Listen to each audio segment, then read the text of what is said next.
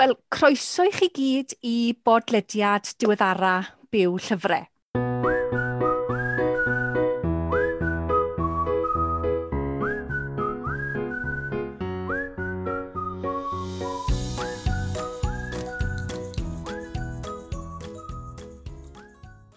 Delith dwi o Lyfrgell Ceredigion. A Lois dwi o Llyfrgell Sir Ddinbych. A chroeso mawr un gwesti arbennig heddi, sef yr awdur Cynan Llwyd. Wel, mae Cynan yn dod yn wreiddiol o Aberystwyth, ond erbyn hyn mae'n byw gyda'i wraig Rachel a'i ma bach yng Nghaerdydd ac yn gweithio i gymorth Cresnogol. A hyd yn hyn mae wedi ysgrifennu dwy nofel ar gyfer yr arddegau, sef Tom a Pobol fel ni, a hefyd wedi cyfrannu at gyfrol agor y drws, sef cyfrol o straeon byrion i ddysgwyr. Felly, croeso cynnan. Ac i ddechrau, dweud bach mwy wrtho ni amdana ti dy hun a dy gefndir.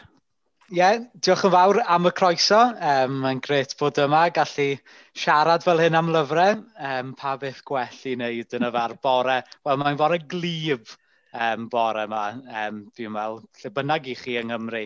Um, a gobeithio wrth i chi wrando.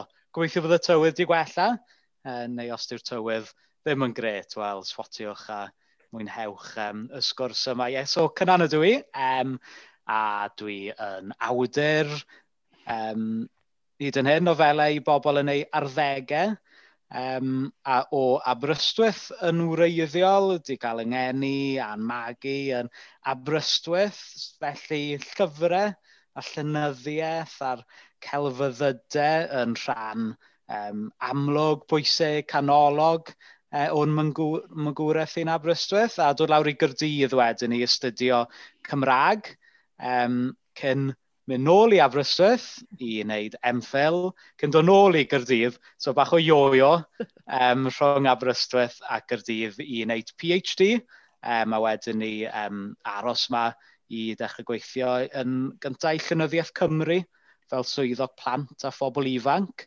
So um, cysylltiad arall fyna rhwng llynyddiaeth a pobl ifanc. Um, a wedyn ni gweithio gymorth gysnogol ers ww, rhyw bum mlynedd nawr mae amser yn hedfan. So dyna bach o'n nghefnder i. A ie, yn briod â Rachel ac yn dadu Seth a Rachel o Abedar. Wel, mae'n amlwg bod ti'n hoff iawn o lyfrau, bod llyfrau'n bwysig iawn i ti. Um, pa lyfrau neu awduron sydd wedi dylanwadu fwy arno ti? a pham. A wedyn, pa mor bwysig yw llyfrgelloedd gan bod ni yn trafod yn rhan o, o bodlediad sy'n ymwneud â llyfrgelloedd. Pa mor bwysig yw llyfrgelloedd wedi bod yn dy fywyd i?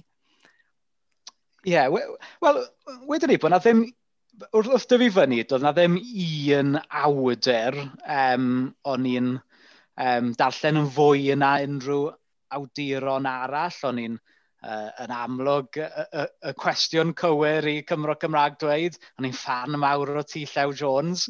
Um, ond ddim, to, ddim, ddim just achos T. Llew Jones, ond to, oedd yr straeon, oedd y cymeriadau a'r byd oedd T. Llew Jones yn, yn creu, yn, yn, yn fyw, yn gyffroes i um, darllenydd ifanc. Wedyn ni'n un hoff iawn o lyfrau um, Kevin Crossley Holland, um, oedd dy fe gyfres ar um, Arthur, um, Arthur yn fachgen bach, felly um, tynnu uh, y myth uh, a'r chwedl oddi wrth Arthur a'i osod e um, yn y canol oesoedd um, yn llwydlo fi mel ar ardal yna, gweld Arthur yn tyfu fyny. Wedyn o'n i'n fan mawr o Anthony Horowitz hefyd, y cyfres Alex Ryder, um, A oedd dafod rhyw gyfres arall hefyd, un um, bach fwy um, fantasy, The Five neu rhywbeth fel yna. Um, rhyw crew o blant yn dod at ei gilydd a angen achub y byd fel, fel mae um, llyfrau Anthony Horowitz. A fi, fi meddwl, um, do, a wedyn ni wrth dyfu fyny wedyn ni bach yn hun, well, Bethan Gwanas, dechrau darllen Llwyd Owen, um, pan o'n i yn yn arddegau, Dewi Prysor, Um, a wedyn ni, y fwy diweddar tôn, to, man o Steffan Dros, Gareth F. Williams, Austin Anoia. Um, a wedyn ni, sorry, allai just restri a restri a restri awduron fi wrth y modd yna. Um, Hilary Mantel wrth ei bodd a'i nofelau hi, um, Ben Lerner, Cormac McCarthy. Felly, chos, os chi'n mynd ati wedyn i, i googlo'r enw yma, ych chi weld bod na ddim un genre chwaith fi'n dieddol o fynd at nhw. Fi'n fi hoffi po fath o genres, um, po fath o sgwennu. Um, a just bod yr stori yn gafel, just bod y cymeriadau yn ddiddorol. Ond hefyd, um, bod y sgwennu'n ddiddorol. Um, darllen y ddiweddar, Rachel Cusk, sa'n siŵr os chi'n gyfarwydd â hi, um, o ran, to, mae jyst y sgwennu yn rili really ddiddorol, so mae dy hi um, outline yr nofel fi wedi darllen yn ddiweddar, beth yw ew nofel um, sydd wedi cael ei strwythuro fel chwech sgwrs gwahanol gan yr un cymeriad, a mae'r stori y nofel yn dod trwy'r chwech sgwrs. Um, so eitha diddorol, mae, mae Rachel a'n, an, a mam, um, so, ma, ma nhw, weithiau fi'n argymell nofel iddyn nhw, a ma, y mam, os oedd y gweud, o, mae'n mwyn yn boring, mae'n dys yn, mwyn dys yn sgwennu, sgwennu ffansi, dys dim stori fan hyn, dim gymeriadau fan hyn, ond na, fi'n offi bach o bopeth. Um, a hwnna siwr o fod yn, yn dod o gymaint o rôl o llyfrau a llyfrgelloedd di chwarae yn yn magwraeth i. Um, sorry, mae'n ateb hir, hir ah, iawn, ond oedd yn gwest, gwestiwn da. To, cael yngeni a, a magu yn Aberystwyth, to, tre y llyfrau yna fe. Mm. Um, a yn cofio yr hen lyfrgell yn Aberystwyth, lle oedd e, Corporation yeah, Road, Landboysem, Cap Capel Alfred Place, a rhyw coff plentyn stafu o fyna o um, oedd na rhyw, oedd na ryw deils o'r 50au neu'r 60au yn y corridor. a wedyn ni, chi'n cerdded lan rhyw grisiau bach, troi'r gornel, a oedd y desg yna, a wedyn ni just stafell llawn llyfrau. A wedyn ni'r stafell cefn yn y fe, oedd y stafell i llyfrau plant. Um, a dechrau, dechrau pob gwyliau, um, mam yn mynd â ni'r llyfrgell i cael dewis y llyfrau ar gyfer y gwyliau. Ond um, beth hefyd oedd yn dda am y llyfrgelloedd yna fel bod chi gallu rentu, uh, wel, fideos, VHSs, um, cyndyddiad DVDs. Um, yeah, a weithio, os oedd hi'n sadwrn glib, um, well, fel heddi, fysa mam falle mynd ni lawr i'r llyfrgell a fyswn ni'n cael dewis ffilm i wylio adren y prynawn. Um, a wedyn wrth dyfu fyny, wrth gwrs, wneud y mwyaf o y llyfrgell genedlaethol. Mm yn amlwg falle ar, ar gyfer pethau fwy academau fyna, ond ie, yeah, môr lwcus i gael y fath lyfrgelloedd yn Aberystwyth. Ar, ar rôl maen nhw chwarae ar draws cymunedau, chwod, mae ma ngwraig i'n athrawes, yn athrawes Gymraeg. A chi'n mynd sylwi pan chi'n tyfu fyny, e, mor freintiedig o'n i, oedd yn tŷ ni bron iawn yn lyfrgell. Oedd yna degau os nad canoedd o lyfrau yn y tŷ. Ond to, nid to yw reality. Um, rhan fwyaf o, o blant yn tyfu fyny yng Nghymru, yn wedig falle yn um, ardaloedd uh, y de ddwyrau yna, hmm. rhai o ardaloedd ôl diwydiannol y gogledd. Dyw'r llyfrau ddim ar gael yn hau y plant, a dyna lle mae'r llyfrgelloedd mor bwysig. Ac nid yn unig to, mae ma llyfrau yn amlwg yn, yn helpu chi i ddarllen a, a ehangu geiriau. Ond mae'n ffordd i ddianc yn ydy. Fi'n meddwl mm. dyna yw gwefr darllen. Dyna gwefr a gwerth llyfrau. Mae'n agor bydoedd newydd. E, mae yn ehangu gorwelion pobl. A fwy na dim byd arall, bydd os y llyfr da wneud yw fod yn modd i chi i ddianc. Ddianc am ryw awr neu os mae'r nofel yn cydio am ryw noson neu brynhawn a chi ar goll, chi mewn byd newydd, gallu anghofio am unrhyw beth sy'n digwydd o'ch cwmpas chi. Um, a dyna yw gwerth llyfrgelloedd a, a pwer uh, e, llynyddiaeth yn y marn i. O, oh, cytuno'n llwyr. A ti'n mynd â fi nôl i pan, pan ti'n sôn am yr hen lyfrgell yn Aberystwyth. A pan o'n i'n mynd am plant i i'r stafell gefen a dewis llyfrau, dewis fideo a'r Tales, um, wel, llyfrgell Carnigi oedd hi. Ie, yeah, no, um, yeah, felly yn llyfrgell yeah. arbennig iawn, mm, de. Mm. Yeah. Yeah. Felly, ti di sôn pa mor werthfawr i llyfrau. Wel, beth yw'r llyfr wyt ti'n ei ddarllen ar hyn o bryd? Wel, uh, nofel dwi ddarllen ar hyn o bryd yw Golden Hill um, gan um, ysbyffyd yw ei gyfenw e, Frances Francis Buffett.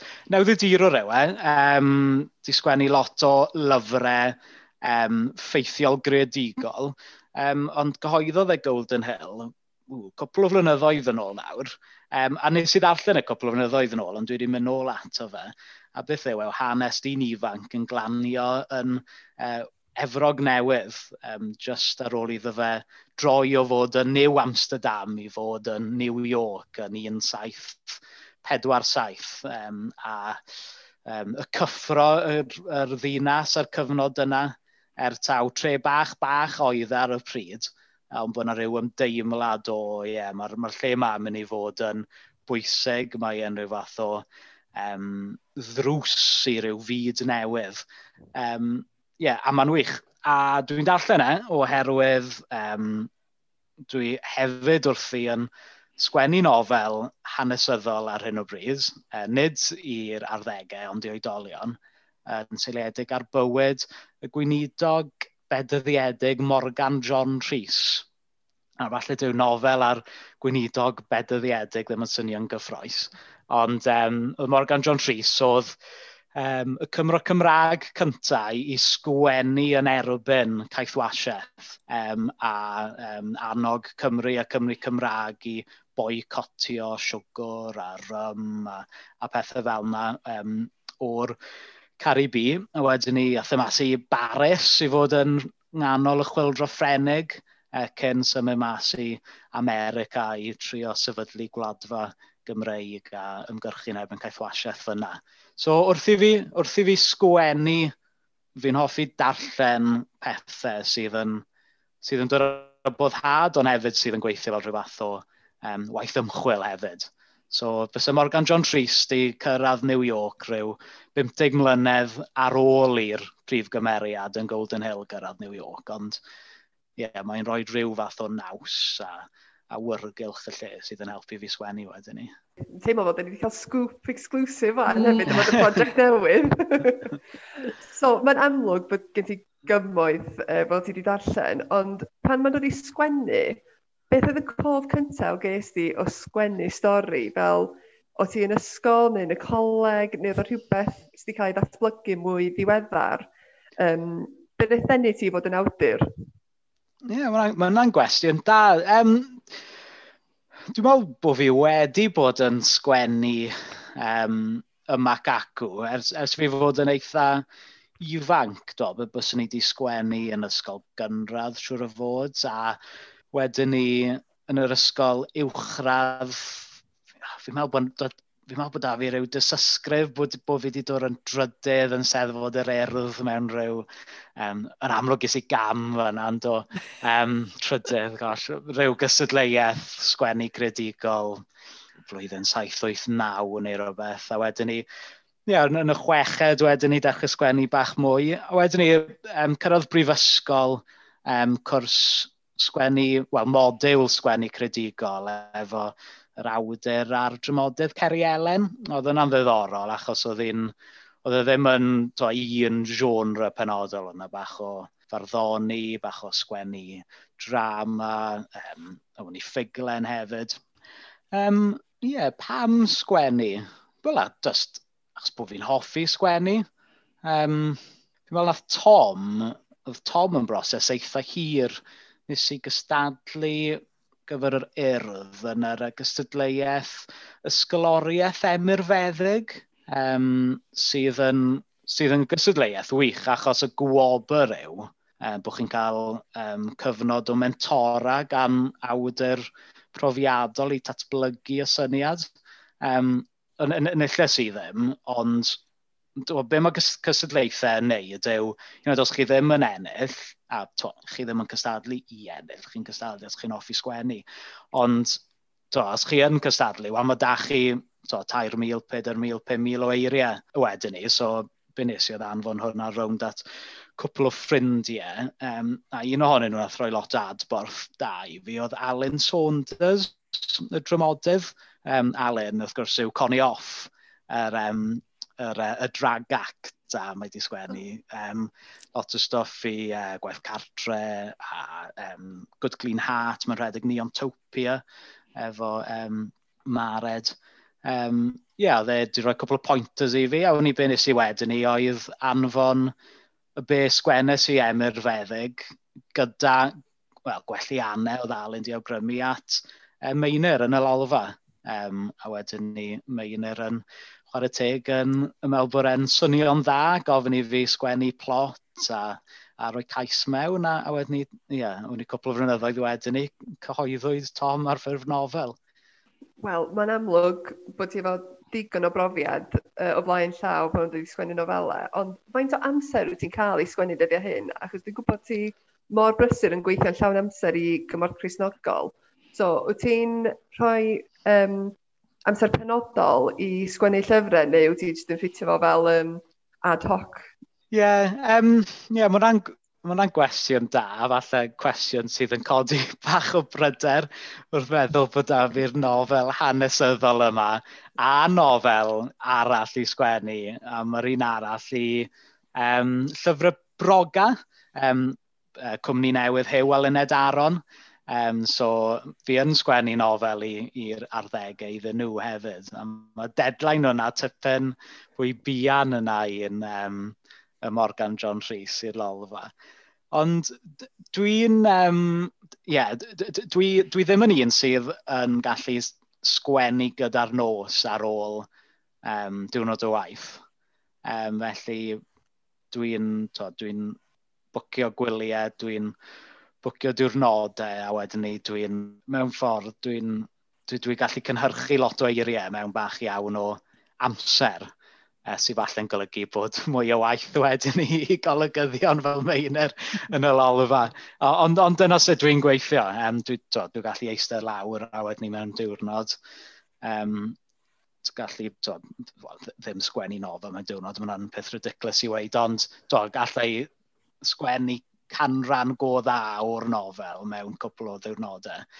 A i, dwi'n lwcus bod fi'n briod i athrawes Gymraeg ac yn, ac yn fam i athrawes Gymraeg hefyd. Felly, um, yeah, mae ma dipyn o olygyddion uh, creadigol um, a gramadegol uh, yn agos ata i sydd hefyd yn, yn neud lot o, lot o help ac yn lot o gymorth. A fi'n meddwl, mae'n am, ma bwysig fi'n meddwl. Um, So dang, bod yn barod i ddangos eich gwaith chi um, i bobl arall. Pe, peidiwch bod yn siei. Um, mae, to, mae, mae yn... Mae'n rhaid boenus dangos rhywbeth sydd chi'n wedi bod yn gweithio gyda'i rywun, achos mae rhywbeth personol iawn, a yn aml iawn mae bych chi'n dangos yn damrwyd. Ond fi'n meddwl bod yn dda iawn cael um, ffrindiau, um, teulu sydd sydd yn hapus i roi, um, rhoi sylwadau ar y gwaith, a mae hwnna dim ond mynd i gryfhau y gwaith. Na, sy'n diddorol gweld os ydy chi sgwennu nofel fewn diwrnod siŵr. Challenge. Hwna'n challenge. O, ie. Ond wyt ti'n mwynhau'r broses o sgwennu? Wyt ti'n un... Ffeindio'r broses yn rhwydd? Neu ti'n sbio ar yr sgrin a ti'n gweld fel, reit, be, be dwi'n mynd i sgwennu nesaf? Fi ddim siŵr os daw hawdd ddewr um, gair, ond nes i, nes i really mwynhau sgwennu Tom a pobl fel ni. Dath y plot, um, dath y cymeriadau yn eitha sydyn a, a dath y sgwennu'n reit sydyn. Um, Dwi'n mynd siŵr os oherwydd y genre bod fi'n sgwennu i darllenwyr iau, um, oherwydd falle hefyd bod yr cyd-destun um, yn, yn, yn real, um, y, to, y cyd-destun Tom a pobl fel ni oedd ac yw to, cyd-destun reit debyg i lle yr ardal ni'n byw yn ddi yng Nghaerdydd, Grangetown, to, am, aml ddiwylliannol iawn, concret, um, blociau fflat um, ac, ac yn y blaen. Lle, ie, yeah, mae'r mae'r nofel am Morgan John Rhys um, ddim mor hawdd, achos bod lot o waith ymchwil, chwad, ni sôn am tri chamlynedd yn ôl mewn gwledydd gwahanol, yes, byd gwahanol. Ond, ond mae'r profiad yna um, yr un mor gyffroes i fi ac yn dod â gymaint o boddhad achos fi'n hoffi uh, y gwaith ymchwil yna. Dwi'n dwi, hoffi'r challenge o trio dod â Pennsylvania 1870 yn fyw um, er bod e mor to, wahanol i Grangetown 2021. Wel, Tom oedd y nofel gyntaf i'r arddegau a wedyn yn fwy diweddar ti wedi coeddi pobl fel ni fel rhan o gyfres, uh, cyfres stori sydyn. Um, Lyca ti esbonio ni bach mwy am gefndir y ddwy nofel a esbonio beth sy'n digwydd? Ie, yeah, wrth gwrs. Um, Tom yn, yn fachgen ifanc, rhyw bymtheg oed, um, a mae'n byw efo'i fam mewn uh, bloc o fflatiau, nid yn anhebyg i y bloc o fflatiau allai i weld uh, o waelod y street yma yn, yn Grangetown. Um, a'r, ar cefndir fyna yw heb so, heb, heb roi unrhyw spoilers i unrhyw un sydd heb darllen e. Um, tensiynau rhwng diwylliannau gwahanol, um, mae yna gyffuriau, mae yna county lions, so mae yna gang yn defnyddio tom er buddiannau hunain, mae yna lofruddiaeth a'r gang yn defnyddio tom i, i guddio y cyllell gafodd ei ddefnyddio. Ie, yeah, a fi'n meddwl nofel yw hwnna am, am dyniweidrwydd a dyniweidrwydd yn cael ei golli, ond hefyd, you know, mewn sefyllfaoedd digon anodd, bod na hapusrwydd, bod na gymuned hefyd, e, uh, bod na gyfeillgarwch yn bodoli a gallu bodoli rhwng diwylliannau gwahanol. Um, ar un fath o themau, dweud y gwir, sydd i gael yn pobl fel ni. Mae'r ddau prif gymeriad yn gariadon ond o diwylliannau gwahanol. Um, mae yna digwyddiad yn digwydd ar y dechrau mewn cyngerdd um, nid anhebyg i'r um, Manchester bombing, um, rhai blynyddoedd yn ôl. Er yn y nofel, dwi ddim yn dweud mai ffrwydrad yw e. Um, to, dwi ddim yn dweud mai ymosodiad terfysgol yw e. Um, gall fod yn ddamwain, mae'n lan i'r darllenydd, ond bod y digwyddiad yna yn um, gwneud lle i lot o densiynau rhwng diwylliannau godi yn y ddinas a, a byn i cael yw rhyw fath o gyfnod o, o drais ar y strydoedd a'r ddau ariad yn ceisio dod o hyd i'w gilydd. Ie, yeah, felly themau digon tebyg, a themau ar y pryd oedd yn, wel, a dal i fod, yn bwysig, ond um, wrth i fi sgwennu tom a pobl fel ni, mi oedd yna lot o drywanu um, yn digwydd yng Nghaerdydd, lot o bywydau pobl ifanc ti gael ei golli oherwydd hynny. To, mi oedd e'n gyfnod lle oedd um, pleidiau aden dde eithafol yn y Senedd. Diolch beth dyn nhw ddim um, mwyach. Ie, yeah, so uh, gweithio a sgwennu yn y cyd-destun yna. Mm. Um, falle, falle bydd yr themau yn wahanol yn y nofelau nesaf. Um, mae yna rhyw fath o, i'r un dwi'n sgwennu, llyfrau broga. Um, mae yn nofel rhyw um, wyddonias ffantasiol, ond gyda elfennau realaidd iddo fe. Um, a dwi'n meddwl un o'r themau mawr bydd yn dod mas yn y nofel yna yw'r um, crisis amgylcheddol um, a rhyw fath o fyd ôl apocalyptaidd um, yn dilyn rhywbeth mawr sydd wedi digwydd i'r hinsawdd. So ie, mm. yeah, sgwennu yn ymateb i, i themau um, cyfredol ydw i, dwi'n meddwl. Mm. Ar un beth, am un Morgan John Rhys. Yeah. So, yr, yr rheswm pam nes i meddwl bod e werth sgwennu am gweinidog bedyddiedig o 300 mlynedd yn ôl oedd um, well, Black Lives Matter um, a, a gyment sydd gan hanes i'w ddysgu i ni heddi wrth, wrth ystyried Black Lives Matter a dymchwel cerfluniau. So, oes gan hanes rhywbeth i ddysgu i ni. A ddylse hanes ymddiheirio um, am y gorffennol. Mae cwestiynau, cwestiynau yna yn mynd i cael ei drafod gobeithio uh, yn y nofel yna.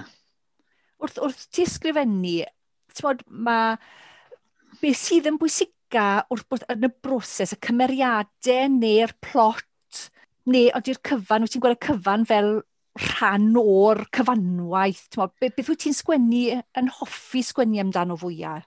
Dwi'n hoffi sgwennu am bobl, fi'n meddwl. A fi ddim yn meddwl nôl nawr i Tom a pobl mm. fel ni, a'r, ar cymeriadau dath gyntaf, dath, dath Tom, a dau y, yr, y gŵr hun sy'n byw uwch bennau. Dethon nhw i'r meddwl cyn y plot a meddwl, reit, pa fath y stori falle gall deillio o perthynas y ddau yma. Um, o'n i'r un peth, da pobl fel ni, y, y cariadon a, mm. a sut maen nhw o gwahanol gemdiroedd, a wedyn ni beth yw'r stori ti'n ôl hwnna. A wedyn ni, wel, Morgan John Rhys, mae'n mae ddyn o gig a gwaed, so, a bywyd e. Ond hefyd gyda, gyda fe wedyn ni, mae lot o, mae yna lot o gaps yn ei fywyd e. Um, oedd yn cadw dyddiadur sydd, sydd yn handi o ran ymchwil, ond mae yna lot o gaps yn y dyddiaduron, felly bydd angen meddwl am um, plot a, to, okay, so mae yn New York fan hyn, mae yn Philadelphia fan na, ond beth sydd wedi digwydd ar hyd y daith yna fel lot o bethau fel yna, bydd angen meddwl fyna. Um, so hyd yn hyn, fi'n meddwl y cymeriad, cymeriadau sydd wedi dod gyntaf, ond mae'r plot llawn mor bwysig. Mae'r mae cymeriadau angen bodoli mewn stori, a os yw'r stori ddim yn gafel, ti'n ti, ti colli darllenydd yn amlwg. Mm. Um, Swn i'n gweud bod y cymeriadau a'r plot yr un mor bwysig, ond hyd yn hyn y cymeriadau sydd wedi bod yn dod gyntaf i fi. Mae'n diddorol, really, achos mae'n ma gret bod ti wedi gallu sgwennu am themau fel um, tod, cymdeithas a hefyd yr um, casineb a, a hiliaeth a pethau fel. Dwi'n meddwl bod o'n gret bod ti'n gallu sgwennu ar gyfer pobl yn ei arddegau sydd yn bach fwy barod i siarad am, yr, um, am y topics yma. Ond un thema o'n i'n sylwi um, sydd hefyd yn rhedeg trwy'r nofelau ydy'r gwynebu ofnau So fel enghraifft, so, mae Tom yn gwynebu ofnau ei hun trwy'r nofel, uh, bwyd am ei orffennol, bywyd ar y stad, ei phobias, um, a wrth gwrs wrth gwynebu Cef Baz a Des, y tri sydd mewn gwirionedd yn rheoli stad Caer Coed. Um, yn pobl, efallai, oedd yr ofyn ychydig yn fwy cuddiedig er bod o'n berwi dan y wyneb, wyt ti'n cytuno gyda'r dehonged yna a pan bod gwynebu ofnen e fel elfen mor bwysig yn y nofelau.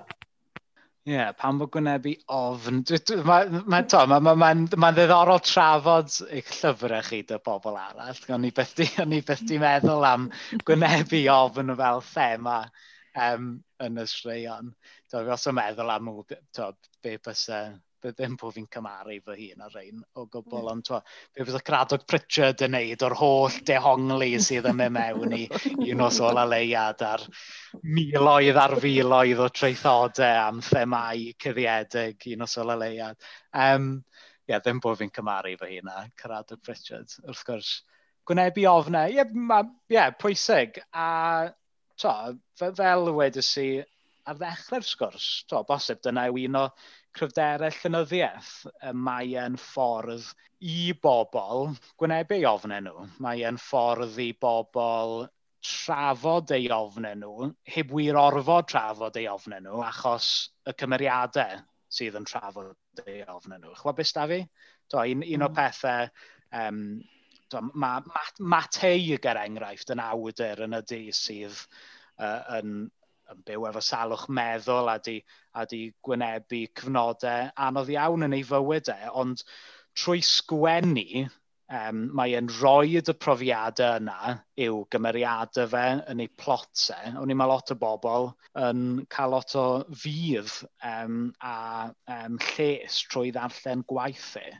Um, e, achos be mae e fel awdur yn gallu wneud yw crisialu sut mae rhywun yn teimlo, falle dyw'r person yna methu esbonio hynny ei hunain, felly maen nhw'n cael yr release yna, mae'n rhyw fath o, um, beth yw'r gair, um, catharsis yn y fe trwy mm. ddarllen.